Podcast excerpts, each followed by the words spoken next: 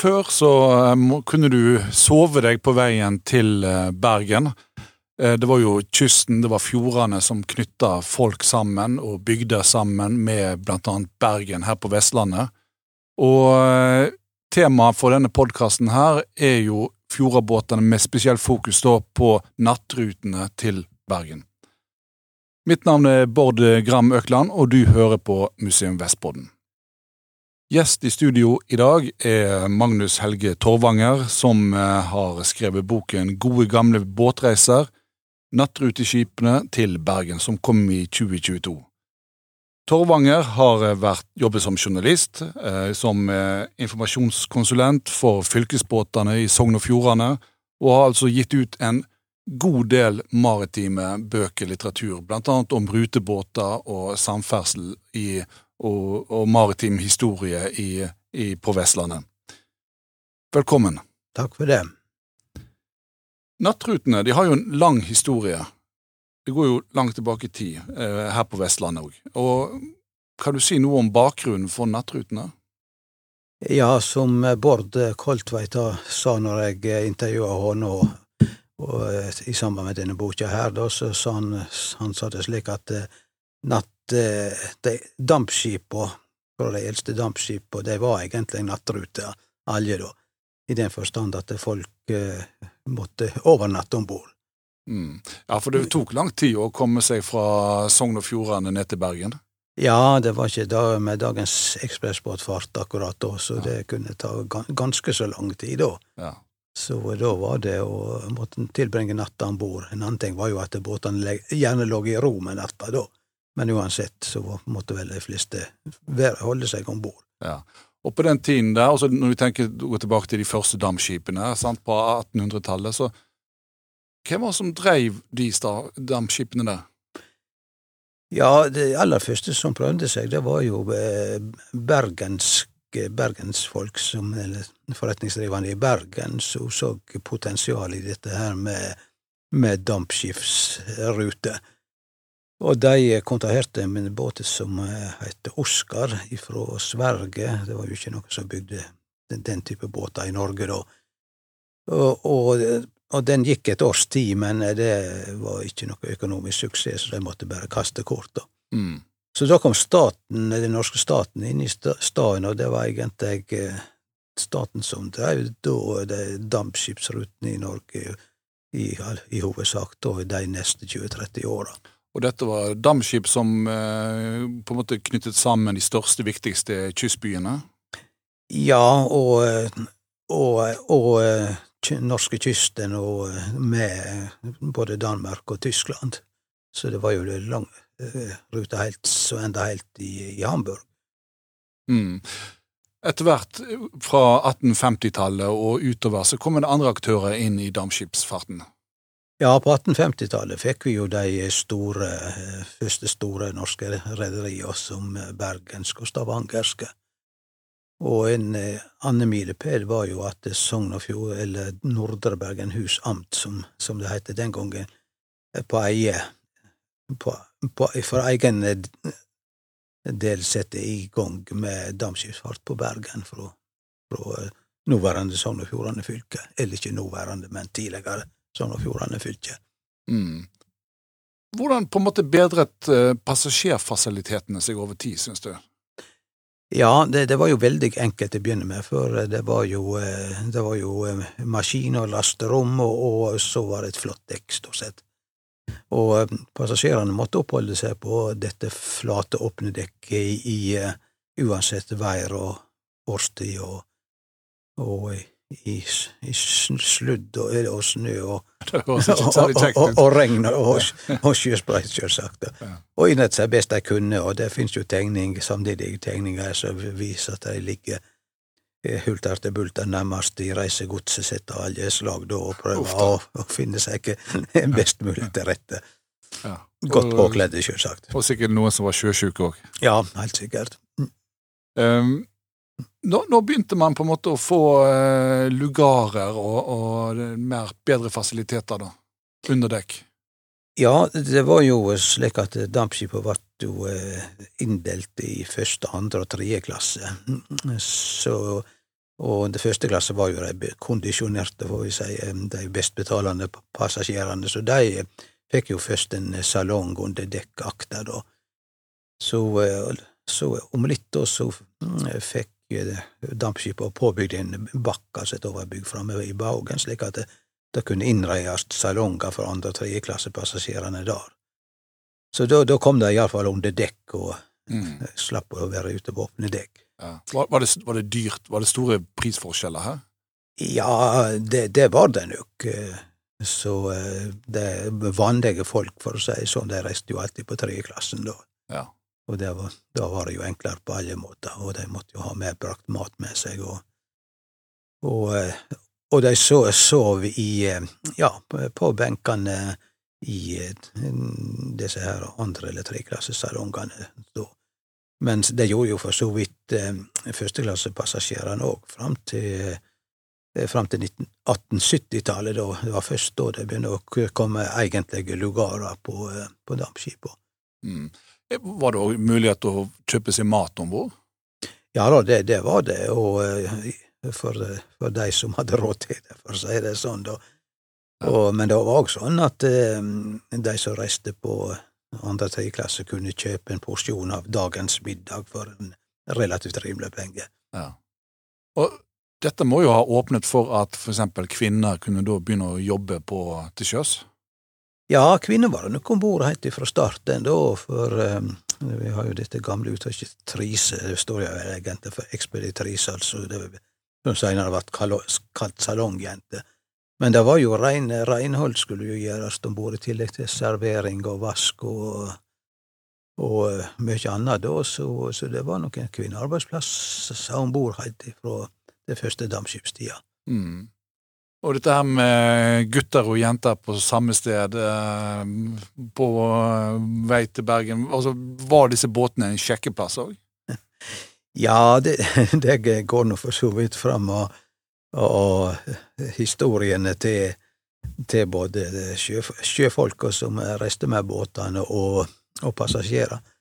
På den ene sida så var det jo det var jo et, et store og tette samfunn, dette her med både unge menn og unge kvinner, så det var jo mange som møttes om bord. og ja, det var jo mange unge salongjenter, og det var mange unge, mange unge kjekke matroser og, ja, ja. og, og, og maskingutter. Så, så, så, det ble en del par og ekteskap ut av det. da. Og så en annen ting som vi må ta med òg, at det var jo, det var jo lange reiser der ungdom møttes òg om bord som passasjerer, og vært kjente med hverandre, og det er litt artig å se i avisannonser fra 50-60-tallet, for eksempel, at de etterlyser jenter som reiste med den og den båten den og den, den, og den dagen til Bergen, og med hvordan jentene så ut og ønska å komme i kontakt med deg. Disse mannskapene, da, altså, hvor kom de fra? Var de rekruttert lokalt, eller?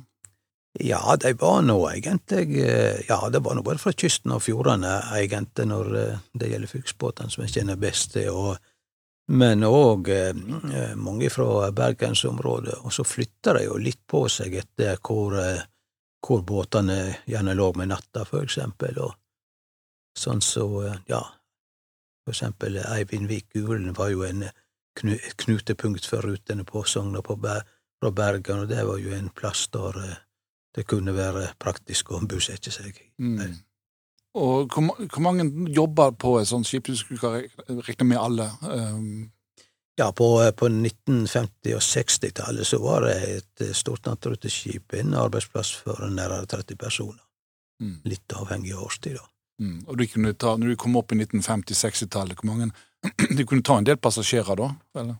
Ja, disse store nye nattrutskipene som kom da på slutten av 50-tallet og på eh, og på tida på 60-tallet, de hadde jo en ganske svær passasjerkapasitet. Det var jo faktisk større enn den tids hurtigrute ja, når, når, de kom, så ja, Du har boken her, eh, den fine boken din foran deg, med mange bilder av eh, disse båtene som, som gikk i de ulike eh, nattrutene da, på Bergen. Og det, det, var jo ikke bare fra Sogn de kom, de kom jo fra andre deler av Vestland òg til Bergen. Eh, kan du gi en sånn oversikt over hvor disse um, rutene kom fra? Ja, vi hadde fylkesbåtene sine ruter nordfra til Bergen fra hele daværende Sogn og Fjordane, og alle fjorder, kan du si, Førdefjorden, Dalsfjorden, Sognefjorden og Nordfjord. Og sørfra så hadde HSD nattrute både fra Hardangerfjorden og fra hele Sunnhordland.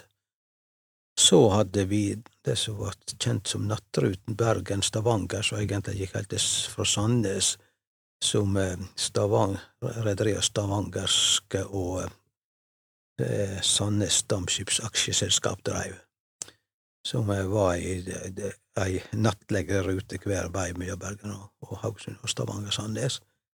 Og så den fjerde, og kanskje minst kjente, er den som var kalt Haugesund-Bergen Ytrelei, som, eh, som, gikk helt ifra Stavanger til Bergen, men òg på via Haugesund, sjøsatt, men på vestsida av Bømlo og så gjennom Austdal, altså vest for den, de andre båtrutene.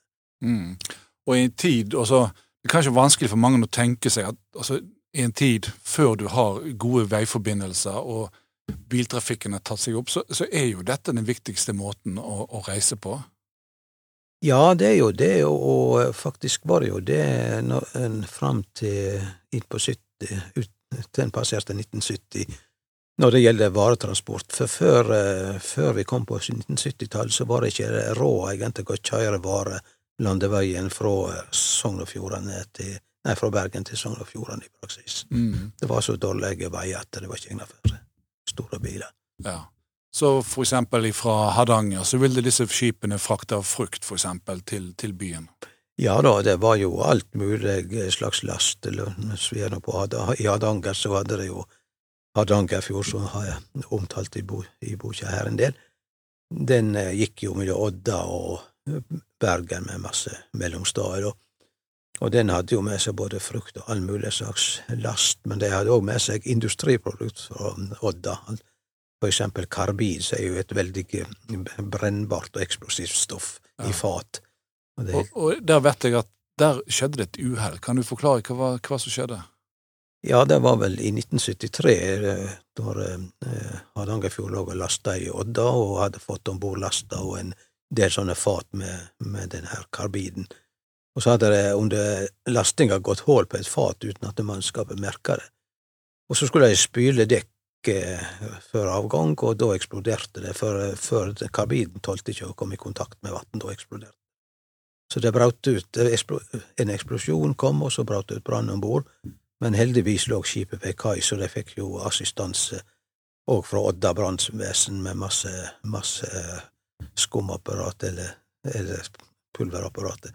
Iallfall så jeg fikk slokt brannen da, uten Men eh, det var en del fat med, med karbid som var så gloende varme at jeg måtte bare losse opp til fabrikken ja. igjen, for jeg kunne ikke ta dem med seg. Våga ikke ta dem med seg. Ja, klart. Nei, det var godt det gikk bra, da. Ja, det var det var, var det. Men ellers, da, var det noen eh, sånn uhell, forlis, med, med nattruteskipene? Nei, det var vel ikke noen direkte forlis. Det, det var vel eh, ei og anna grunnstøyting skjedde jo da, for eksempel med fylkesbåten sin kommandøren gikk på grunn på Rutteltangan i, 19, i vinteren 1966 og sto ganske godt på Rutteltangan ei vei til gruppe med skjærøyer yst i Sognefjorden. Mm.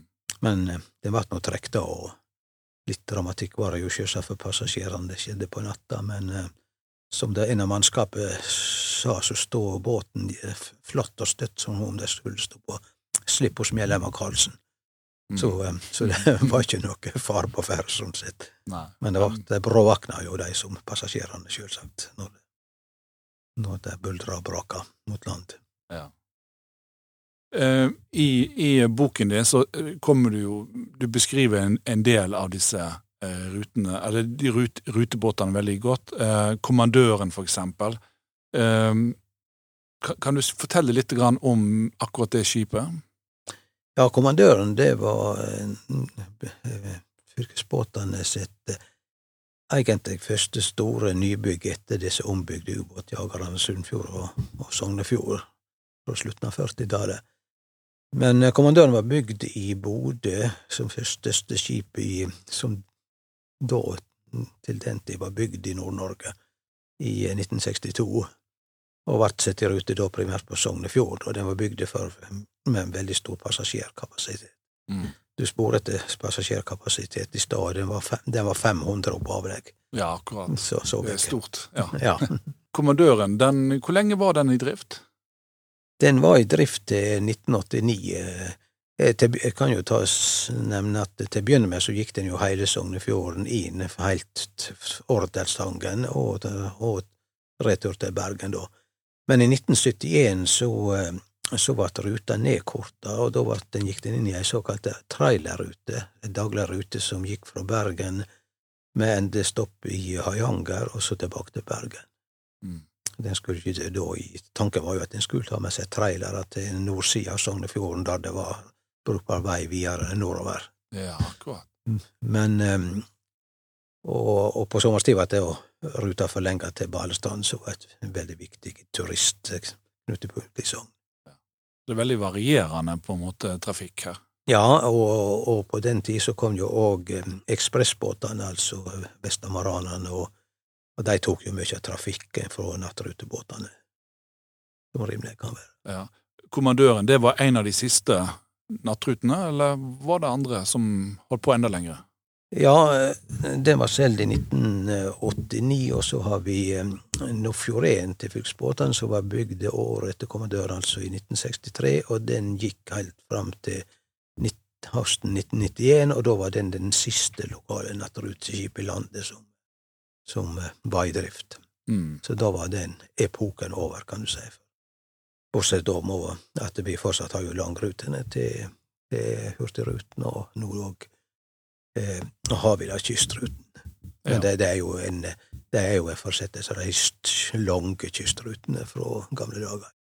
Men i forbindelse med boken din, så har du jo òg sett på hva var som skjedde med disse eh, siste nattrutebåtene etter at de ble solgt, og etter at de sluttet her på Vestlandet. Hva, hva er, har du funnet fram til der? Ja, de eh, kommandørene av Fjorden ble jo begge solgt til alle, til alle, alle steder til Karibia.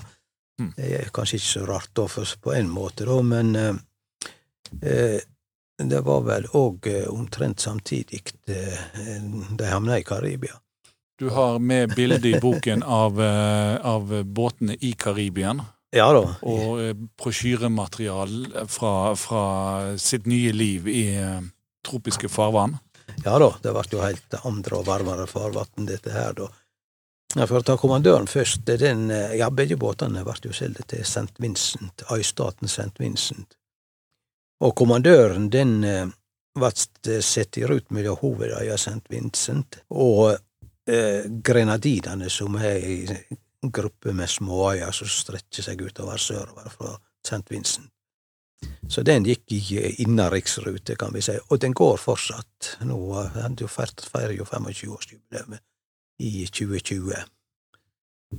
Så, og, den eh, seiler under navnet Barracuda. Ja, så, så hvis du besøker Karibien, så kan du eh, reise med en god gammel nattrute, altså. Ja da, og det er mange nordmenn som har vært på cruise, eller som mannskap på cruiseskip, for eksempel, som har rapportert tilbake at her har jeg møtt gamle Nordfjorden og kommandøren. De kjenner båten igjen. Ja, ja da, det, det gjør han jo. Og så var det Nordfjorden, ja, den oversolgte St. Vincent, men den var satt inn i ei litt videre rute, inter, interstatlig rute, for den gikk i rute mellom eh, eh, ja, eh, fem øy, fire øystater i Karibia pluss Venezuela på, Ja. på det søramerikanske fastlandet. Så eh, de fant De, de blir brukt der nede. Ja da, og der eh, Det er jo. Ja da. Og jeg har faktisk eh, hatt en del kontakt med han, en rederen, Tore Torsteinsson, etter han, utflyttet nordmann som kjøpte som kjøpte Nordfjorden og drev Windward Lines med, med Nordfjorden, som da hadde fått fikk navnet Windward. Mm.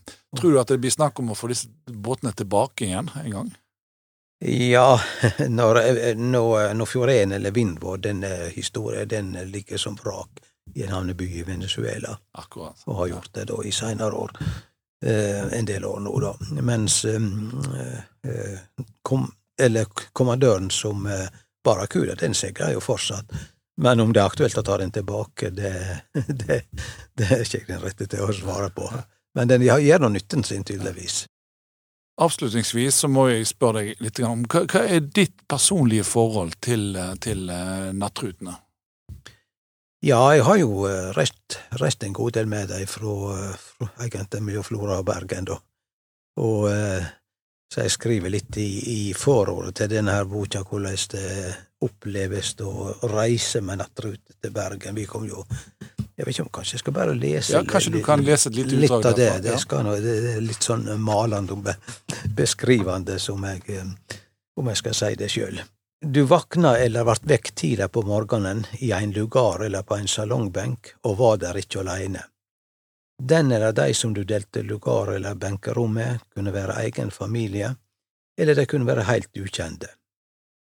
Når du hadde fått på deg klærne og samla sakene dine, smatte ut lugardøra eller framom forhenget framfor benkene. Det var full aktivitet av andre passasjerer, av matroser som skulle sjå billetter, og av damer som samla sammenbrukt sengetøy. Du fant kofferten eller ryggsekken din i bagasjehyllene, gikk ut på bildekket og i land over fergelemmen, så andre rutebåter som var kommet til kai, høyrde alle lydene fra skipstrafikken på Vågen og fra biltrafikken i gatene, kjente lukta fra et kaffebrenneri. Du var kommet til Bergen med et nattruteskip. Tusen takk til deg, Magnus eh, Helge Torvanger, forfatter av boken Gode gamle båtreiser, nattruteskipa til Bergen. Takk til deg, produsent Magnus eh, Kvarving ved Bergens sjøfartsmuseum. Takk til deg som lytter på òg. Følg oss gjerne på Spotify eller Apple. På gjenhør.